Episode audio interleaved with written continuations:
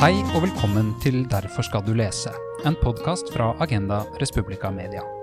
I opptakten til stortingsvalget gjester én toppolitiker fra hvert av partiene studio etter tur. De har valgt seg hver sin bok, som har betydd noe spesielt for deres samfunnsengasjement, og kommer hit for å snakke om boka og det vi kan trekke ut av den. Mitt navn er Halvor Fines Rettvold, og i denne episoden får jeg besøk av Arbeiderpartiets leder Jonas Gahr Støre. Det er topp å ha deg med i Derfor skal du lese, Jonas Gahr Støre. Velkommen skal du være. Takk skal du ha, og takk for et spennende initiativ. Du, Hvor mange bøker leser du i løpet av et år? Å, det har jeg ikke regnet på, da. Men jeg, jeg liker alltid å ha en ledsager i en bok. Uh, så ja, hva kan det bli, da? Altså, det, det er, det er, roman er én ting. Uh, den kan jo ta litt tid. Jeg får lest i ferier, kanskje ikke så mye på dagtid. Og så er det jo det du leser av fag. Det er jo bøker, det også. Men det kan jo bli noen titalls ja, i løpet av et mm. år. Ja. I denne spesialserien av podden som skal gå fram til stortingsvalget, eh, får jeg besøk av deg og partitopper fra de øvrige partiene. Jeg har bedt dere om å velge én bok hver som vi kan ta sats i for å snakke om eh, verdiene og tenkemåtene som ligger bak dag-til-dag-politikken, men uten at du helt ennå avslører hvilken bok du har valgt deg. Hva la du vekt på da du skulle velge? Nei, da, da, da, du ga meg utfordringen, så var det jo egentlig flere. Det kom opp flere for meg. Bøker jeg har lest for mange lenge siden hvor det var en bærende idé som jeg sa at dette er viktig. Enten fordi jeg er enig eller uenig i det, men kanskje først uh, enig, da, noe som har inspirert meg. Så det var alt fra både sånn uh, fagbok til skjønnlitterært og til helt opp til nåtid. Nå har jeg valgt noe som er ganske nåtid, da. Så det betyr jo at mitt politiske engasjement kom jo før den boka. Men uh, det er en uh, veldig viktig bok allikevel, så jeg, jeg, landet på den jeg tenkte var kanskje aller viktigst. Vi skal komme grundig inn på den uh, etter hvert, men siden jeg har deg her, og også for andre toppolitikere på besøk, så vil jeg bruke anledningen til også å stille noen spørsmål om syn på litteratur og litteraturens samfunnsrolle mer generelt. er du klar for det? Veldig gjerne. Hva hadde vi egentlig tapt dersom ingen lenger skrev eller leste bøker? Å, mye. Altså, det, da er vi på en måte til, tilbake til André Bjerkes uh, dikt 'Trenger vi kultur'? Uh, ja, vi trenger kultur. Det blir ekstremt fattig uten. Og i særlig en tid hvor vi skal regne verdien av alt, men, uh, eller prisen på alt, men ikke, vi er usikre på verdien av veldig mye, så er litteratur og bøker og det skrevne ord, både digitalt og i papir, vi må åpne for det, veldig viktig. Mm.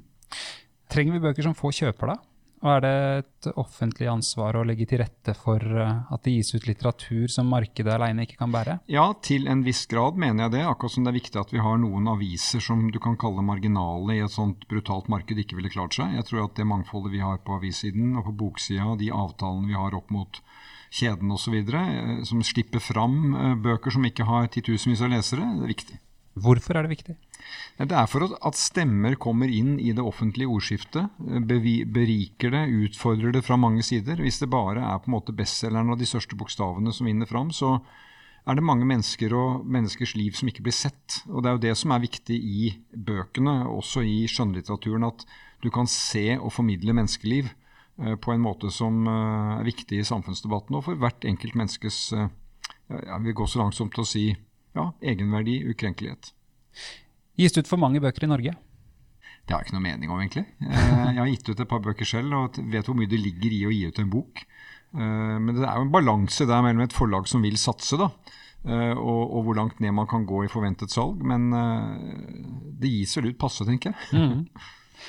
Det sies at kulturlivet generelt og mediene er venstreorientert. Ofte. Syns du det gjelder norsk litteratur? Har den en politisk slagside? Og hva tenker du om det i så fall?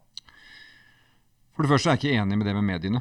Eh, tvert imot så mener jeg at den er eh, Det er ikke man sagt mye om, men altså sånn som det fremstår for meg, vil jeg ikke si at det er slik det, det, virker. Om hvorvidt journalistene hvor de stemmer, det får nå være en sak som målingene tar seg av.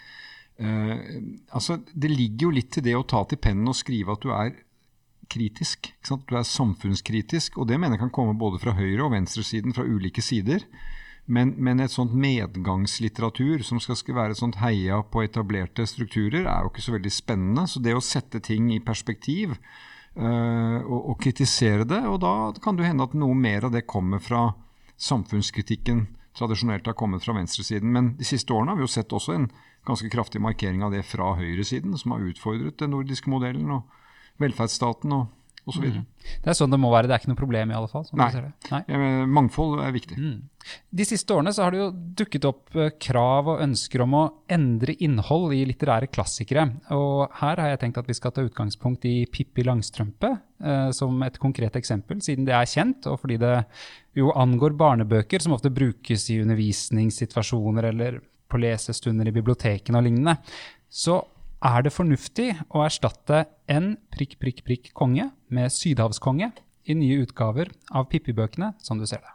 Nei, altså der må jeg bare innrømme at det kan hende, her kan hende generasjonen spille noen rolle, men det bør stå negerkonge, for det skrev Astrid Lindgren. Og så bør lærerne bruke tid til å forklare hvorfor det uh, ble skrevet da, og mm. hvorfor det ikke er sånn nå. Uh, det, det mener jeg må være ganske klart. Og det er heller ingen betenkeligheter med å bruke ordet? Uh, nei, eh, egentlig ikke. Uh, det, det, å forholde seg til en vanskelig historie handler om å akseptere den og se på den. Så hvis vi skal liksom slutte å snakke om holocaust fordi det var fælt, så blir jo det helt feil. Eller slutte å snakke om totalitære nazisme osv. Noe av det vi skal komme inn på i den boka jeg har vært opptatt av, er jo at du må snakke sant.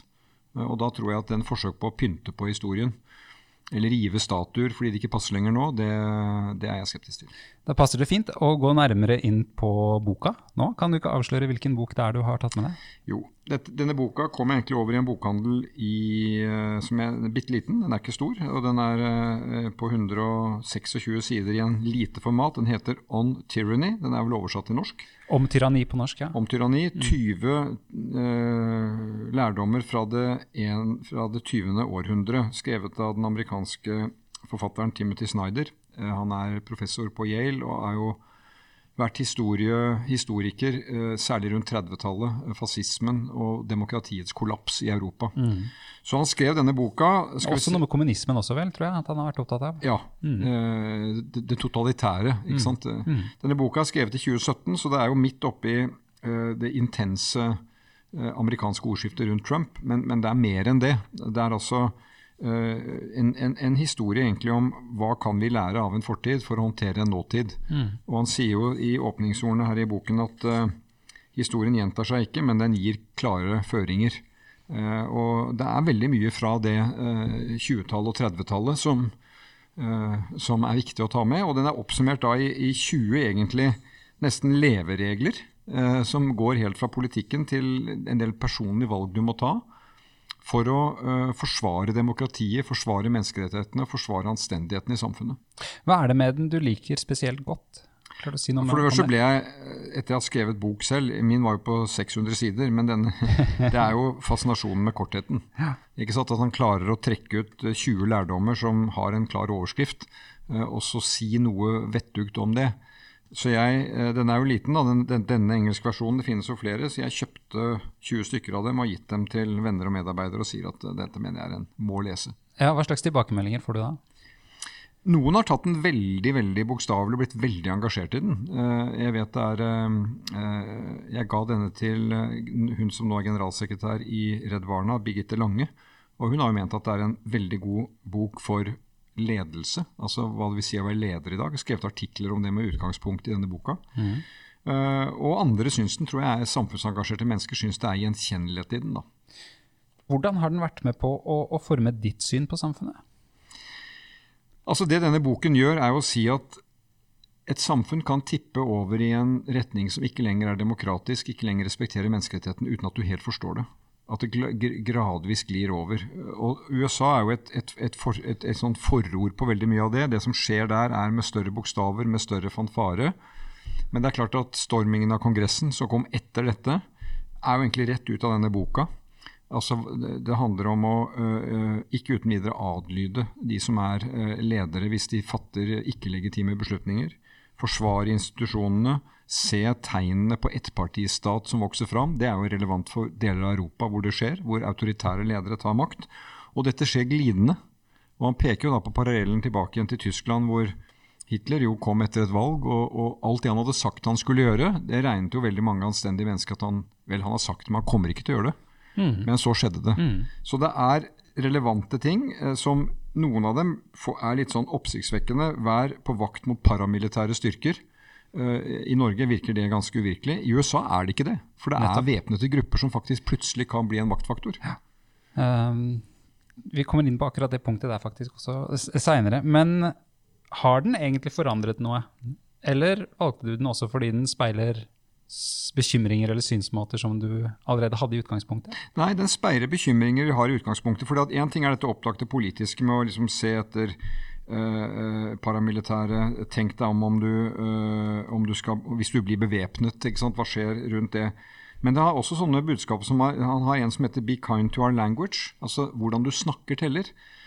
Og Da tok jeg med meg eh, A-magasinet for eh, nylig, hvor det var et intervju med Tonje Brenna, min partifelle, fylkesleder i, i, eller hun som leder da Viken.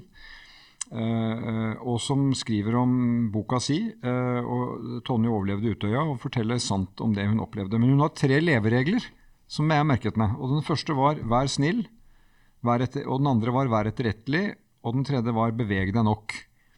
Og de to første kunne gått rett inn i Timothy Snyders uh, bok. Også den tredje. Ja, også den tredje. For det handler om på en måte å ikke akseptere at du må sette deg ned der hvor andre sier du skal sitte. Ja. Kom deg ut, vær sammen med mennesker, engasjer. Så det er jo et forsvar for det sivile samfunnets mangfold mm. og motstandskraft. Og en advarsel mot at den motstandskraften kan nesten umerkelig bli svekket. Og det tenker jeg vi politikere og folk skal være oppmerksom på, at det, at det skjer uverdige ting også i vårt samfunn, og så lar vi det på en måte passere. Enten det er innenfor pleie og omsorg, enten det er behandling av en asylsøker eller andre utsatte mennesker. Vi må være opptatt av det, og vi må si fra om det. Og så er faren at det forefinnes en sånn shifting baseline-mekanisme, ja. eller at du gradvis flytter deg. Litt som å koke en frosk. at du den merker ikke at Nei. vannet gradvis blir varmere. Og så flyttes grensepostene, ikke sant. Ja. Uh, og, det er sånn du tenker det? Hmm. Jeg tenker det sånn, og nå, nå har jo vi dette, dette, er oversatt til norske forhold, og det er jo ikke i nærheten av USA, da, men vi har jo ment at regjeringen i Norge har vist manglende vilje til åpenhet i forhold til Stortinget i en del saker. Og så har flertallet i Stortinget sagt at men sånn er det. Det tror ikke demokratiet i Norge, men det er verdt å påpeke det. Mm. For det er igjen liksom, av disse spørsmålene som, hvor det kan gli, og du kan flytte merkestener. Ok, uh, Du nevnte at denne boka ble skrevet for noen år siden, i 2017, da Donald Trump nettopp var Han hadde vært president i USA i litt over et år da den kom ut, tror jeg er mer nøyaktig å si. Og dette er jo en annen tid, tross alt. Altså, tanken på en koronapandemi var jo i høyden noe som uh, virologer og epidemiologer diskuterte på konferansene sine, som de helt sikkert fløy til på tvers av kontinenter. Um, sånn at det, denne boka går jo da rett inn i en spesifikk historisk situasjon som forelå da og henvender seg, som du også har vært inne på, primært til et amerikansk publikum og et amerikansk samfunn som hadde opplevd et politisk jordskjelv, så å si. Så i den situasjonen der, etter uh, Trump-sjokket og med brexit som en del av bakteppet, med en del høyrepopulistiske brakvalg på kontinentet i Europa også, så formulerer han altså disse 20 rådene uh, basert på lærdommer fra det turbulente 1900-tallets aller mest turbulente perioder mellomkrigstida og den tidlige etterkrigstida, og, og, i og for seg også etterdønningene etter Sovjetunionens sammenbrudd. Du har vært inne på noen av rådene allerede, men er det ett eller et par av de du syns er spesielt relevante for oss her i Norge i 2021? La meg bare begynne med ett et punkt der, hvis du tillater, som handler om det med da, å lære av historien. For det, det han skriver om her, var jo at de som skrev den amerikanske grunnloven, hva hadde de av erfaring å, å, å, vise til? Jo, de gikk tilbake til Platon og Aristoteles. Uh, advarsel mot for stor ulikhet, advarsel mot enemakt og enevold, også lave mm. til de institusjonene som USA da har. Og I USA er det jo en levende debatt om founding fathers.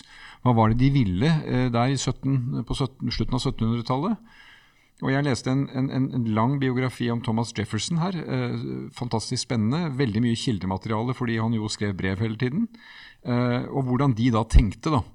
Vi har en helt annen historie å lære av. ikke Mm. Vi har hele 1800-tallet, 1900-tallet og, og, og, frem uh, til i dag. Så det, det er jo det uh, han gjør her, uh, Timothy Schneider. Han sier vel at vi er heldigere stilt enn The Founding Fathers, ja. fordi vi har mer historisk kunnskap å ta av når ja. vi skal lære oss disse leksene. Så, så, det de hadde, The Founding Fathers der, var jo på en måte lærdommen fra et autoritært England Eh, og det var jo der Engel, de, de beskrev England som tyrannisk, som kolonihaver mot dem. Derfor mm. dette begrepet tyranny. Mm. Nei, Er det noe av dette som jeg er spesielt opptatt av? Jeg tenker det er en del ting som er, er opplagte. da, Å være på vakt mot enpartistaten osv. Og, og, og uh, husk på at det skal være yrkesetikk for de som jobber i, i statlige næringer osv. Men jeg liker godt disse litt mer sivile punktene hans, uh, som sier at han oppfordrer folk til å delta i frivillig arbeid. Oppfordrer folk til å melde seg inn i politiske partier, uh, være til stede. Et av rådene er 'investigate', altså undersøk ting, ikke godta alt som det kommer. Uh, punkt ti, tro på sannheten. altså søk sannhet i det man går etter. og så står det også her 'establish a private life'. Eh, og det tror jeg også Er ikke det litt sånn langt unna for å bevare demokratiet? Nei, det er egentlig ikke det. For det handler om å skaffe deg det fundamentet du trenger for å stå imot et ganske stort trykk som kommer gjennom sosiale medier, ensretting, innpakking i hvordan vi skal leve livene. Og det handler om det sentrale i å ha et skille mellom en offentlig og en privat sfære. Som blir visket ut, mm. og som nesten er invaderende. Jeg liker veldig godt det punktet 17. Uh, eh, listen for dangerous words. Altså hør på farlige ord. Altså Ord uh, kan ha en eh, stor betydning. Eh, konspirasjonsteorier ligger jo veldig lett innenfor det når man mm. snakker om andre grupper osv. Så, øh, øh, punkt 20 er jo 'vær så modig som du kan'. Og jeg syns det er et viktig budskap til enkeltmennesker i dag. Denne boka er, sånn jeg leser den, født av en krisebevissthet som oppsto i den bestemte politiske situasjonen den gang, i, i 2017 etter Trump og brexit og alt det andre vi snakket om i stad. Derfor syns jeg det er interessant at du velger den eh, nå, fordi på overflaten i alle fall så kan man føle at eh, krisestemningen er skrudd ned noen hakk. Vi er på vei ut av koronakrisen. sant? Trump er ute av Det hvite hus, Joe Biden er inne. og Eh, ser ut til å være en ganske handlekraftig fyr som får gjort en del ting osv. Men det er kanskje sånn at denne følelsen av at vi er over en kneik, bare er tilsynelatende? Altså Jeg vil iallfall ikke ta det for gitt. og La meg ta to referanser til det. Det ene er jo at USA er jo på ingen måte gjennom dette. Eh, vi ser jo det at eh, det store flertallet av republikanske velgere tror på uh, disse konspirasjonsteoriene. Mm. Hans tidligere sikkerhetspolitiske rådgiver, Flynn, første rådgiveren, mener at Trump burde vurdere et militærkupp på linje med Myanmar. Og, og, På en måte tror du ikke når du, når du hører det, kan han ha ment det, men altså, det ligger der fortsatt. Og det er valg i USA, mellomvalg mellom to presidentperioder, hvor ting kan skifte. Og det andre er jo at vel, vi har vært gjennom koronakrisen, og jeg mener jo det har vært viktig i den krisen at vi har hatt en våken presse, våkne fagfolk, våkne jurister og andre som har sagt fra i forhold til hva tiltakene kan ha å si for enkeltmennesker. Det, jeg tror vi kommer til å komme ut av dette og finne ut at det er mange mennesker som har tatt en mye større bør av disse tiltakene. Og dette temaet forholdsmessighet, har det vi har gjort for å beskytte oss mot smitte, vært forholdsmessig i forhold til det som er vedtatt, det er ikke en liten sak. Det er makta som ter seg og bruker seg. Og da må vi også ha kraft til å peke på det og si fra om det. La oss bruke fem minutter på, på koronaen nå, da. Um, på den ene siden så har jo denne pandemien vist at staten, også den norske, har tenner og kan bite. I den forstand at den begrenser vår bevegelsesfrihet, mulighet til å møte mennes andre mennesker osv. Um, nå var det heldigvis gode grunner til mange av disse tiltakene denne gangen. Men kan, det er jo ikke så vanskelig å tenke seg at det er en hendelse, en sak, noe som oppstår, hvor det ikke er 95 eller 97% som syns at vi skal uh, godta disse begrensningene, men 60% 70% og kanskje er årsaksbildet mye mer kontroversielt. da. Um, når du har sett hvordan vi har reagert de siste halvannet årene under pandemien, um, i møte med denne boka, gjorde du deg noen refleksjoner om det da? Ja, fordi eh, jeg hørte fra en del menneskerettighetsjurister allerede i fjor sommer at det var veldig betenkelig mye av det man hadde sett i forhold til utsatte grupper som ikke lenger fikk den oppfølgingen de skulle ha. I psykisk helse, psykisk helse, så plutselig mm. folk ble borte. De som skulle komme og besøke dem og hjelpe dem. Og sånn. Og det var ingen eh, problematisering av det. Nå, når vi er på vei ut av korona og farebildet senker seg, så at, uh, har vi jo sett at folk da blir mer utfordrer mer de bestemmelsene som er. Uh, og jeg tror i sum at en av grunnene til at nordmenn har respektert de reglene, er at vi har tillit til at de rådene som gis, gis i beste mening. Vi har ikke en mistenksomhet. altså I Brasil så tenker du Bolsonaro, hva tenker han? Men vi tenker i Norge at norske regjeringen, folkehelsemyndighetene, Helsedirektoratet de gjør det beste de kan. De er ærlige på hva de ikke vet. Så det er en trygghet i det. Er ikke nettopp bokas poenget at man skal være kritisk og skeptisk også til de som sier at de gjør det i beste mening? Jo, men, men, men, jeg mener at der har de som sa de gjorde det i beste mening, var jo også åpne og ærlige med å være selvkritiske på de valgene de gjorde. Mm. Uh, og vi hadde jo rundt denne koronaloven som kom til Stortinget, en, en, ærlig diskusjon. Jeg har ikke tvil om at den var fremmet i beste mening fra regjeringen. Men, men det at de skulle ha de vide fullmaktene fra april og ut året, var bare altfor mye. Eh, så der måtte jo eh, både Stortinget ta tak, og uavhengige jurister rakk jo hånda i været og sa at dette er for mye. Og så ble det en enstemmighet om noe annet. Det mener jeg var det norske systemet. Da funket det på det sitt beste. Ja. Det andre er jo at vi uh, ennå ikke aner de langsiktige konsekvensene her. Særlig kanskje av de økonomiske følgevirkningene, og hva det innebærer av økt eh, sosial uro og, og, andre typer problemer som kan ta farlige veier. da. Det er jeg helt enig i. Jeg tror at Norge kommer jo relativt bedre ut enn mange fordi vi har hatt gode inntektssikringsordninger underveis. Men det bildet vi har om at uh, det som var utfordringer før koronaen, har fått et forstørrelsesglass av koronaen, tror jeg holder. Altså at uh, Vi visste om psykisk helseutfordringer blant unge mennesker før koronaen. Vi visste at vi hadde en utfordring med å uh, få de som er utenfor arbeidsmarkedet, inn i arbeid. Nå er det blitt flere utenfor. Altså Alt det er blitt forstørret. da. Mm. Men, men disse rådene her i boka er allmenngyldige i den forstand at uh, det er ingen andre enn deg og dine som må tenke gjennom det som skjer rundt deg, og være våken og kritisk. Jeg tror det er liksom uh, budskapet. Og uh, i koronatiden så tror jeg det ja, Det er jo ikke evaluert, da. Kommisjonen evaluerte ikke det. Hvordan var motstandskraften til å stille spørsmål ved det som kom fra, fra myndighetene?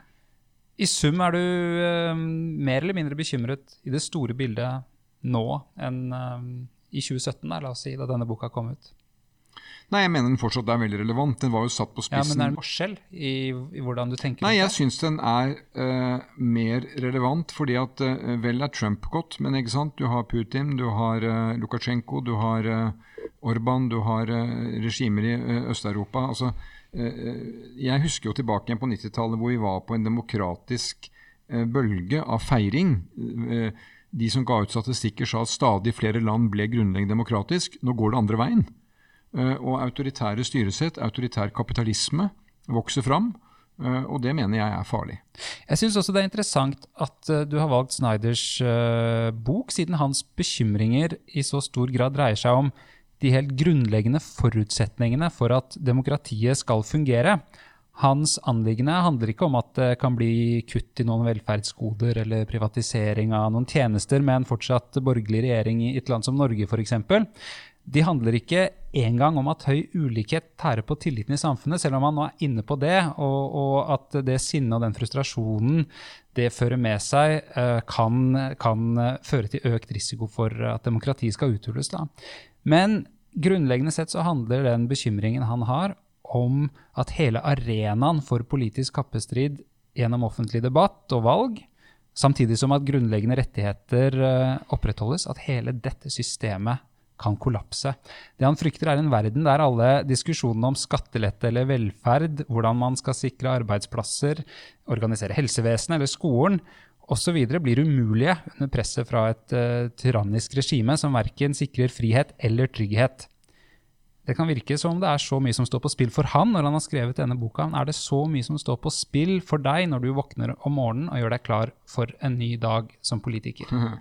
Nei, svaret på det er nei i Norge. Og jeg går jo uh, da uh, til valg på, på, på liksom uh, temaer som passer i den norske hverdagen, og føler at de får vi diskutert og brynet oss på uh, osv. Men jeg, det kan hende at det er en generasjonsting, et lynneting. Mitt politiske engasjement ble egentlig vekket rundt menneskerettighetssituasjonen uh, i tidligere Sovjetunionen, tidligere Øst-Europa.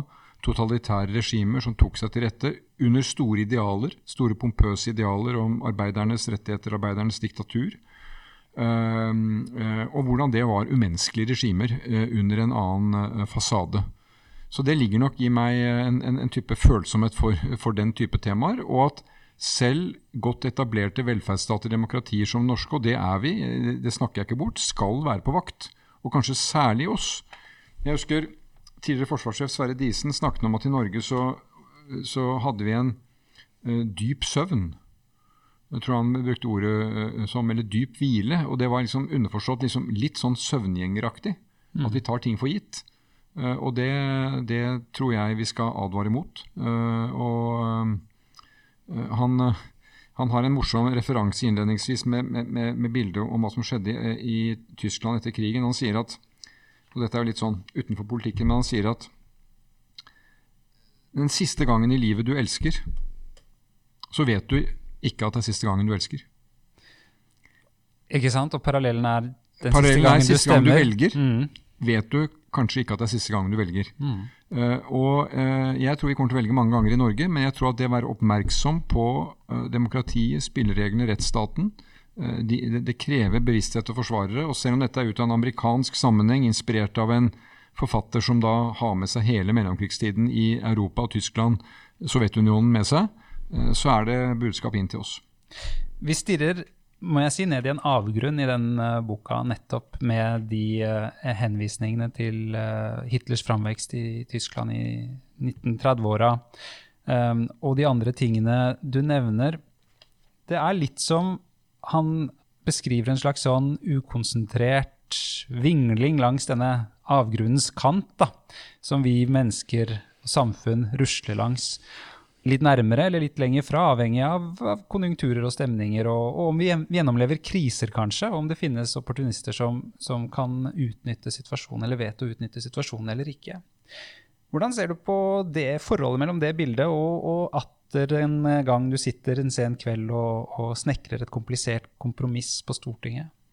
Nei, Jeg vil jo veldig gjerne ha trygghet rundt meg til at jeg kan snekke slike kompromisser i Stortinget. Mm. Og det at vi får det vedtatt der, er et uttrykk for at det da har legitimitet.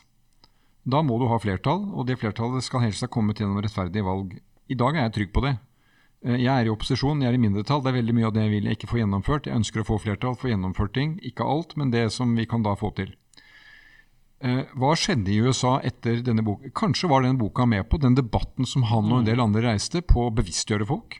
Det som jo jeg syns er fascinerende med USA, og som vi kan se på med en viss beundring òg, det er jo at institusjonene sto imot.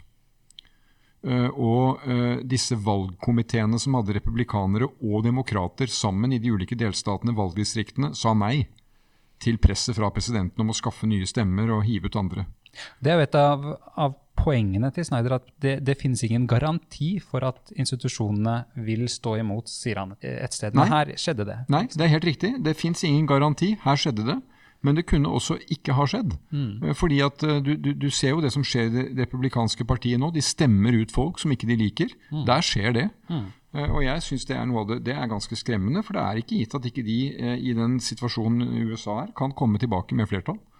Og hva er da grunnleggende holdninger til, til, til institusjonene. Det er interessant også at amerikanske høyesterett, som jo har fått et republikansk flertall da, i form av at han har utnevnt tre nye dommere til høyesterett, de har jo motsagt presidenten på en del av disse temaene. De kan stemme foran på kanskje abortlovgivning, det er jeg veldig kritisk til, men de sto opp for demokratiet. De, de dommerne han hadde utnevnt, de ga han ikke medhold. Mm. Ofte så er det jo kriser som fører til at det blir tatt et skritt nærmere denne avgrunnen som vi, som vi snakker om her. Og samtidig så kan jo politiske beslutninger som du og andre politikere er ansvarlig for, være med på å påvirke risikobildet. Det kan bli mer eller mindre eh, sannsynlig at institusjoner motstår presset eh, osv. Eller at ulikheten ikke blir så stor at den i seg selv blir en driver for polarisering og, og sosial uro, som kan, igjen kan utnyttes av, av, av, de som vet å utnytte sånt. Um, men er det ikke samtidig litt sånn at demokrati og politikken har mistet grep om stadig større områder av samfunnslivet og utviklingen? Og er det i så fall, som du ser det, frustrerende på noen måte? Å føle at du kanskje ikke har full kontroll over alle de faktorene som kan øke risikoen for at vi skal gli i en sånn retning som Snyder advarer mot? da? Det er et interessant spørsmål. Uh, og jeg tror jeg ender opp med å si når jeg tenker på det, at svaret på det er ja, det er frustrerende. Men jeg tenker vel at det har det vært i alle tider vært. Altså hva var det som førte til at vi fikk eh, nasjonal samling i Norge. Eh, disse kreftene gjorde seg gjeldende. De tok, gjennomførte et kupp i Norge og satt med makten her. Eh, jeg har vært opptatt av i noe av det jeg har skrevet etter 22.07, med å si at eh, hva skjedde med den eh, fascistiske bevegelsen i Norge som vi etter 1945 sa nå er det over, vi er ferdig? Vel, det kom fra et sted. Er det her fortsatt? Er de strømningene her fortsatt? Det mener jeg vi skal være opptatt av, at det finnes et, et ytre høyre med et antidemokratisk sinnelag. Men i det spørsmålet litt om frustrasjonen og hva vi kan gjøre noe med, så ligger jo hele det globale.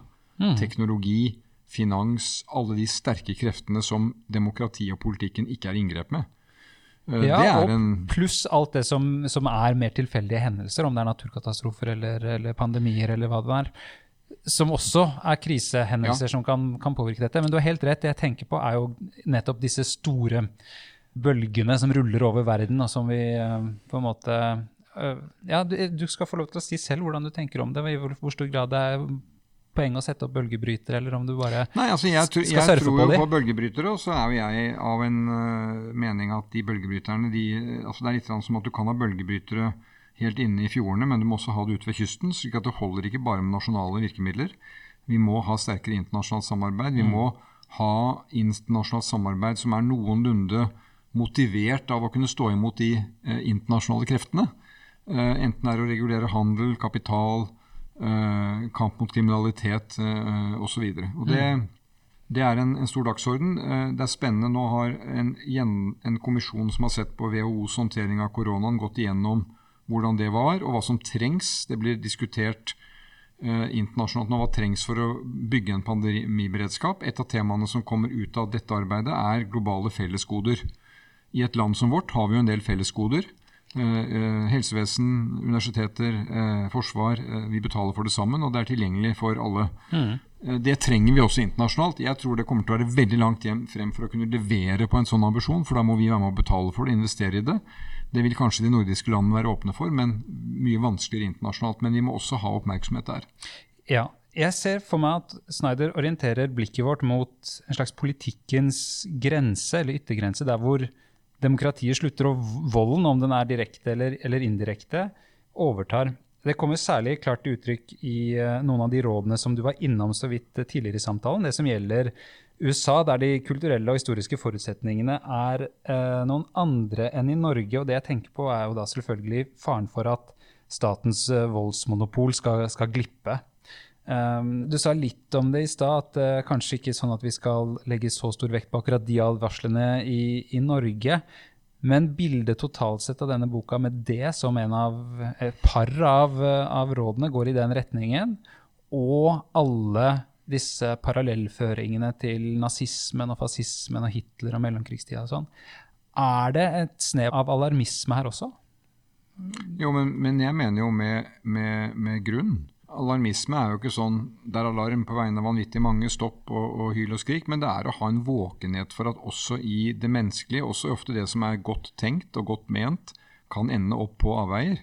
Eh, det tror jeg bare skal liggende som at sånn er mennesker. Vi er feilbarlige. Og hvis ett menneske gjør en feil, så er det en utfordring. Hvis man begynner å gjøre kollektive feil, så kan det få veldig store konsekvenser. Eh, du har rett i det at når du, når du ser disse 20 rådene, så vil jo sånn med paramilitære styrker uh, osv. Eh, ettpartistat, forsvare institusjonene, ikke vekke en alarm hos meg i Norge. Men, men, som sagt, når jeg ser Tonje Brenna, da, en ung politiker vi kommer til å høre mer til i det norske samfunnslivet, sier om liksom betydningen av å snakke sant, følge opp dine forpliktelser. altså det går på liksom den, sivile, etikken vi har som mennesker, og det ansvaret hver enkelt har. Det jeg liker med denne boka, er å si at det du gjør uh, i det daglige, at du uh, går på jobben, at du respekterer andre mennesker, stiller opp for dem, holder, holder til noen sannhetsstandarder, det er ikke bare viktig for ditt liv, at du på kvelden kan si at 'jeg tror jeg har oppført meg ganske greit i dag'. Det har betydning også for fellesskapet. Det mm. føler jeg denne boken kommuniserer veldig sterkt, og at den sier at uh, vi har noen dystre historiske lærdommer at uh, hva som kunne skje når det ikke var tilfellet. Hva tenker på så mye av norsk politisk debatt de siste årene som har handlet om uh, begreper som brunbeising eller stempling av meningsmotstandere osv. Det, det hører vi av og til i, i eteren eller på avissidene, kronikker og andre steder. Du frykter ikke at uh, det at du trekker fram denne boka og er så bekymret på demokratiets vegne, uten å liksom peke på konkrete fenomener i Norge som uh, gir Nei. grunn til, til, uro, at det skal, altså, skal, leses på en sånn måte, da? Det, det mener jeg ikke. Jeg, jeg henter jo med eh, bevisst nå en bok kommer ut av USA. Og så sier New York Times i sin anmeldelse at dette har altså Han er ikke redd for å gjøre uh, modige koblinger mellom fortid og nåtid. Og, jeg tenker at veldig mye av det som er trender og strømninger hos oss, kommer fra USA innenfor kultur og politikk. hvor kom tankene rundt velferdsstaten, keynesiansk politikk, stimulanse fra? Det kom fra Roosevelt New Deal. Hvor kom høyrebølge med privatisering, trekke staten tilbake, begrense fagforeningene? Det kom fra Reagan og Thatcher. Og hvor kommer det nå sterke impulser igjen? Jo, uh, uh, egentlig Donald Trump på en måte, men også Joe Biden på en annen. Så dette, dette, tenker jeg Vi må ikke tenke at dette er ikke relevant fordi Norge er spesielt på utsiden. Det er noe jeg faktisk er litt redd for. At vi er litt i sånn dyp søvn, dyp hvile. At vi har oljefond og vi er rike og vi bor her oppe og vi klarer oss bra. Nei, institusjonene må forsvares som det gullet de er. Boka handler også om historiesyn i stor grad. Du har snakket om uh, The Founding Fathers sin orientering mot de gamle grekerne. De leste Aristoteles og, og Platon og, og lærte av, av, de. Jeg la under lesingen merke til at det er særlig to historiske spøkelser som, som Snyder advarer mot. To måter demokratiet har henfalt til tyranni på de siste hundre årene, som er den perioden han, han dekker. Da. Fascisme eller nazisme på den ene siden, og, og da kommunisme på den andre. Og Sosialdemokratiet har jo vært en, en, motvekt mot begge disse formene for politikk. Dersom du skulle gjort det samme som Snyder har gjort fra et mer sånn generelt liberalt perspektiv, fra et sosialdemokratisk, altså hvilke lekser fra sosialdemokratiets historie basert på de erfaringene som denne retningen har gjort seg i den malstrømmen som politikken på 1900-tallet har vært, ville du trukket fram som spesielt relevante? Altså, det, det, ene er jo at uh, sosialdemokratiet etter denne perioden etter russisk revolusjonen vendte over til å bli reformistisk parti, ikke revolusjonært. Det er jo en dramatisk historie i seg selv. Slutten av det, første, eller det andre tiåret og inn på 2020-tallet. Og etter hvert ble et, et, et demokratisk folkeparti uh, inn på 30-tallet. og så er det videre, tror jeg, valget etter andre verdenskrigen om vestlig tilhørighet i militær forsvar at man gikk bort fra det som skulle være en mer pasifistisk eh, tilværelse. Mm. Verden er slik at vi må også kunne forsvare oss. Og så vil brytningen eh, hos oss tenker jeg, alltid stå mellom det nasjonale og det internasjonale. Jeg vil holde veldig fast på at vi er en internasjonal bevegelse. Vi, vi, vi, vi regjerer eh, og har, konkurrerer om makt i Norge, i det nasjonale. Men vi må hele tiden holde denne åpningen mot det internasjonale. Det er jo Eh, mitt grunnleggende syn på, på måte, samarbeid i Europa, internasjonalt. Eh, vårt ansvar utover oss selv. Det må vi holde ved like. Noe av grunnen til at jeg spør, er jo at det foregår en debatt som har, har pågått i flere år nå, om um, veivalg videre for sosialdemokratiske partier. Og særlig da i Europa, etter at det har vært noen skuffende valgresultater de siste um, årene, må vi kunne si. Uh, mange av um, ja, partiene både i Tyskland, Frankrike, Italia og Storbritannia har også problemer med å reise seg igjen etter disse valgnederlagene. I den situasjonen så diskuteres det strategi, eh, hvilken retning man bør eh, slå inn på for å stogge de høyrepopulistiske kreftene som er satt i bevegelse igjen i vår tid osv. Hva vil du si at sosialdemokratiets historiske erfaringer kan gi oss av peilepunkter i akkurat de debattene, når de veivalgene skal tas? Altså, vi sier jo at det er vanlige folks tur. Hva mener vi med det? Jo, at vi er vanlige folks interesseparti. Altså Politikken er der for å kunne respektere at folk lever sine liv, tar sine valg. Vi er forskjellige. Eh, det er, en privat sfære. Men politikken skal bidra til at folk får like muligheter. Uh, og uh, partiet blir stemt ut hvis folk opplever at det skjedde ikke. Vi ble ikke sett, vi ble ikke hørt. Vi, vi fikk ikke like muligheter. Vi fikk ikke adgang til arbeid, velferd, trygghet. Da går vi andre veier. Mm. Og du vil hele tiden være utsatt for det vi kan kalle da populistiske krefter som selger billige løsninger, som kan frustrere oss. Men det eneste svaret på det er at vi må klare å kommunisere vår politikk slik at folk tror på den. Trygve Bratteli sa det jo på den måten at vi evner å forstå den tiden vi er i, og komme med løsninger som folk tror på. Ryker det, så fortjener du ikke å få stemmer. I etterordet så vender Snyder tilbake til dette med historiebevissthet. Um, og to ulike former vi kan ha feilaktig historiesyn, sånn han ser det. Han beskriver for det første perioden etter eh, kommunismens sammenbrudd på, eh, rundt 1990, altså på tidlig 90-tall, som en epoke preget av en blind tiltro til at historien med nødvendighet ville bevege seg mot et, et kapitalistisk, demokratisk endemål. En lykkelig, liberal, globalisert verden. Og noe av det du sa i stad, tyder vel kanskje på at du også kjente på det på, på 90-tallet. En sånn optimisme og, og positivt syn på framtida. Slik Snyder ser det, så er dette å, å lukke øynene for fortida og at vi endte opp da med å senke garden og, og, slik la forholdene til rette for at den type regimer vi trodde aldri ville se dagens lys igjen, faktisk er nærmere enn en på mange tiår. da. Jeg lurer på hvordan du i dag ser på den perioden i etterkant av kommunismens sammenbrudd, og den tidsånden som rådet da, og det historiesynet som Snyder spesifikt peker på i etterordet som et problematisk historiesyn. da. Jeg tror, jeg tror det er mye å lære av det, da. Eh, det er klart at eh, de, eh, de, valgte og fikk velge sin egen vei, kom ut av et totaldominans fra et annet land, totalitært styresett.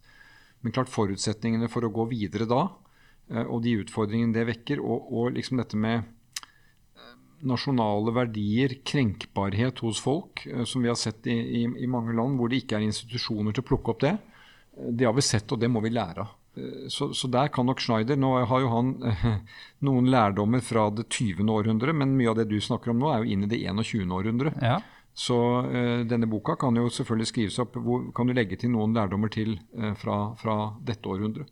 Ja da, men jeg tenker jo at, eh, at 1990-tallet tross alt tilhører, tilhører, det 20. århundret eh, enn så lenge. Og det var jo på det tidspunktet at denne følelsen av global landsby kanskje fikk feste. da, og ikke sant, Fukuyama skrev 'The End of ja, History' osv. Ja, ja. um, hvordan skal det motvirkes, da, dette overslaget som Snyder identifiserer, som du har rett i kanskje er noe som i større grad har kommet tilbake etter årtusenskiftet og, og, og etter finanskrisen og osv.? Altså for det første så vil jeg slå fast at Alternativet der de kom fra, altså et sovjetisk system under sovjetisk dominans, er ikke å foretrekke. Så det må vi være glad for er, eh, er over. Og så tror jeg det at eh, det minner oss mer på hva som er de dype strømningene i et folk og i et samfunn. Eh, og hva som skal til for å komme videre på en, på en verdig måte. Og eh, Fukuyama har jo liksom for det første benektet at han mente at det var historiens slutt. Men han har jo skrevet ganske mye etterpå også som peker på hva er det som går galt i samfunn. Mm. Og han har jo også kommet tilbake igjen til, til liksom hva som skjer med institusjonene, hva som skjer hvis forskjellene blir for store, hvis limet i samfunnet glipper. Mm. Og da er det jo både spøkelser fra fortiden som melder seg og sier at vi kan være referansepunkter. Det kan komme via religion, via eh, sterk kritisk syn til noen minoriteter. Eh, alle disse samlende budskapene som også er farlige for demokratiet. Um, vi skal nærme oss uh, avslutningen her. Um, to kjappe spørsmål på slutten. Vi må nesten kvittere ut på lovnaden i episodetittelen. Så altså, hvorfor skal vi lese On Tyranny av Timothy Snyder nå? Fordi det gir en vek vekker deg til litt beredskap om ting vi tar for gitt uh, i, i, et samfunn, uh, og at uh, i historien har gått feil.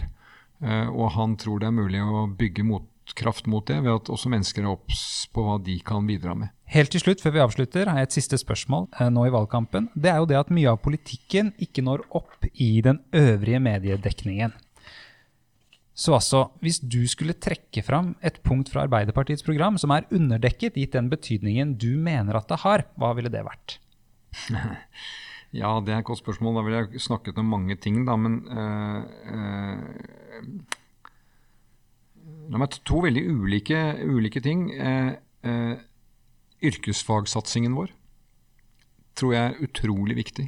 Altså 15-åringen som skal velge utdanning, at, at, hun kan være trygg på at her eh, får hun en jobb som kvalifiserer, en, utdanning som kvalifiserer for jobb. Det er veldig viktig for det som ligger foran oss. Og Det andre er et eh, fremmedbegrep som eh, vi må jobbe mye med, sirkulær økonomi. Eh, vi kan ikke fortsette å kaste, grave, brenne, dumpe veldig mye av det vi er ferdig med å bruke. Det må brukes på ny. Og det skjer, det begynner, det begynner, å skje, og vi har store ambisjoner for det. Det tror jeg er et veldig viktig og spennende punkt, og som er litt fremmed for folk. Mm. Tusen takk for at du tok turen hit til Derfor skal du lese, Jonas Gahr Støre. Takk for meg. Takk også til dere som har hørt på. Gi gjerne en tilbakemelding i Apples podkast-app, på Spotify eller hvor du nå enn lytter til podkast. Nå finnes det også en Facebook-side for podden, og der går det an å gi ris eller ros. Jeg heter Halvor Fine Strettvold og er tilbake med en ny episode om bare et par dager. Da kommer det en ny partitopp, og boka hun eller han har med seg, er Jane Austens Emma. Inntil vi høres igjen, kan dere jo kikke så vidt på den utgivelsen.